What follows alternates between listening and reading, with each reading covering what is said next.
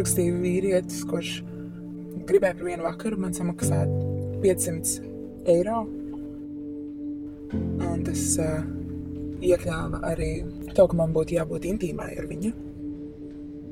Man bija 16 gadi, viņš, protams, to nezināja. Viņš domāja, ka man ir 19 gadi. Tas sapucējos, izvilku savu labāko kleitu un uzstāstos sarkanas lūpas. Aizgāju uz viesnīcu, uzbraucu augšā ar liftu. Pieklāvēju pie durvīm un atvēru pilnīgi nepazīstams vīrietis, kuram, man liekas, bija tādi 50 gadi.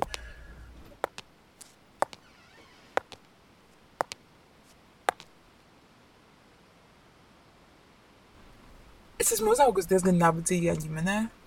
Es bieži vien cilvēkiem saku to, ka mums uh, nekas netrūka, bet patiesībā mums, mums trūka miera. Un tas nāca no tā, ka maniem vecākiem trūka stabilitātes.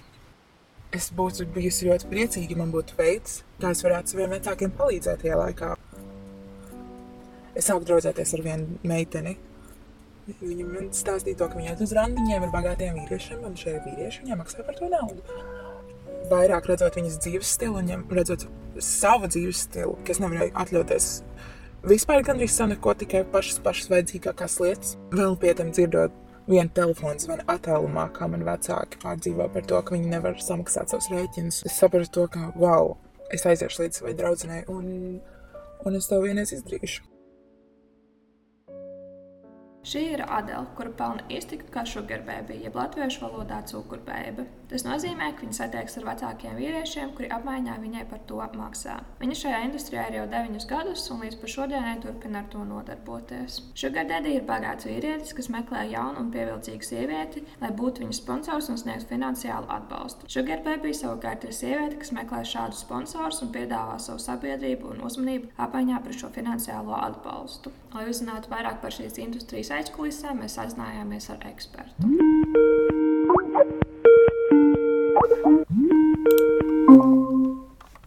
Tā, jūs tā kā mani labi dzirdat, viss kārtībā, ja?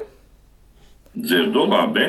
Pirmais, ko es palūkšu iepazīstināt ar sevi, kā sauc, ar ko nodarbojaties.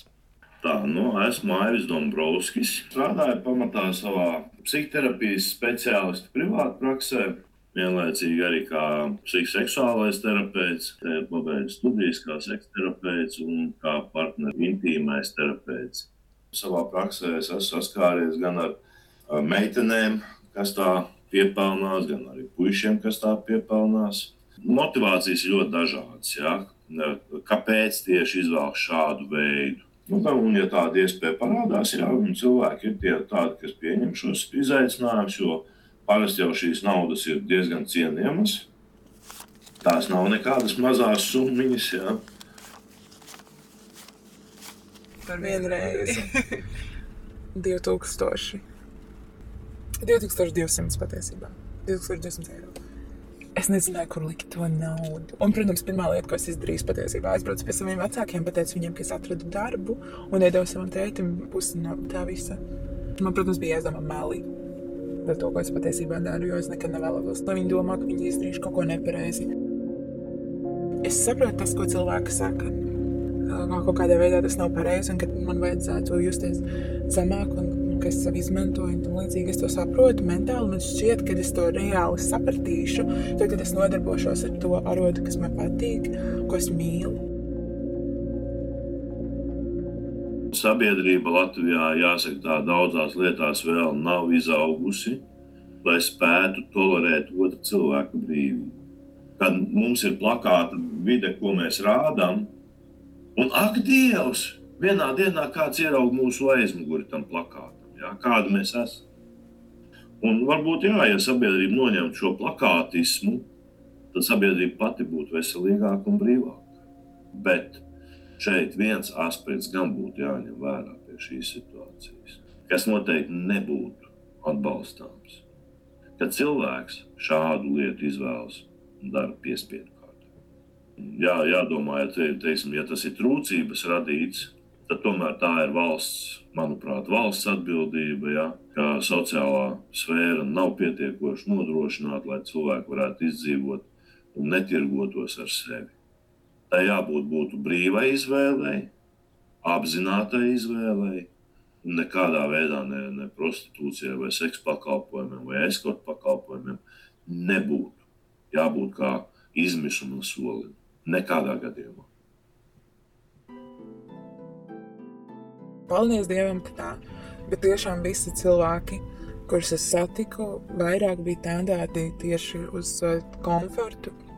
Viņi vienkārši vēlējās to cilvēku mīlestību, un tas viss bija ļoti emocionāli intīmi. Fiziski intīmi arī, bet ne uz nekādām robežām. Un nebija nekas tāds, kas man liktu domāt, wow, šis ir kaut kas neparasts.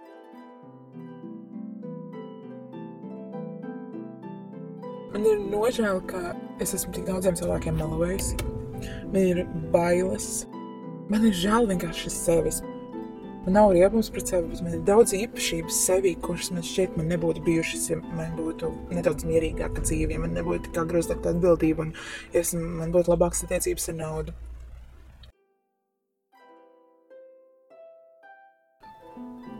Ja cilvēks kaut ko darīs piespiedu kārtā, tad viņš centīsies pie pirmās iespējas, kā viņš var aizmukt no tā visa, viņš aizmuks projām. Ja cilvēks ilgstoši darīs šādas lietas, vai, vai jebkuras profesijas, tas nav tikai par šādu profesiju, bet vispār kopumā. Ja? Agri vai vēlu tas viss somatizēs kā, kā, kā fiziskas saslimšanas. Par to būtu ļoti jāpiedomā. Es domāju, ka neviens no šiem, kas nosoda sabiedrībā, vai tie, kas ir aktīvie nosodītāji, mm, lai nu paskatās viņu pašu spogulī uz sevi un uzdod jautājumu, kas pa traumu apakšā viņiem pašiem ir, kāpēc viņi tā nosoda citus.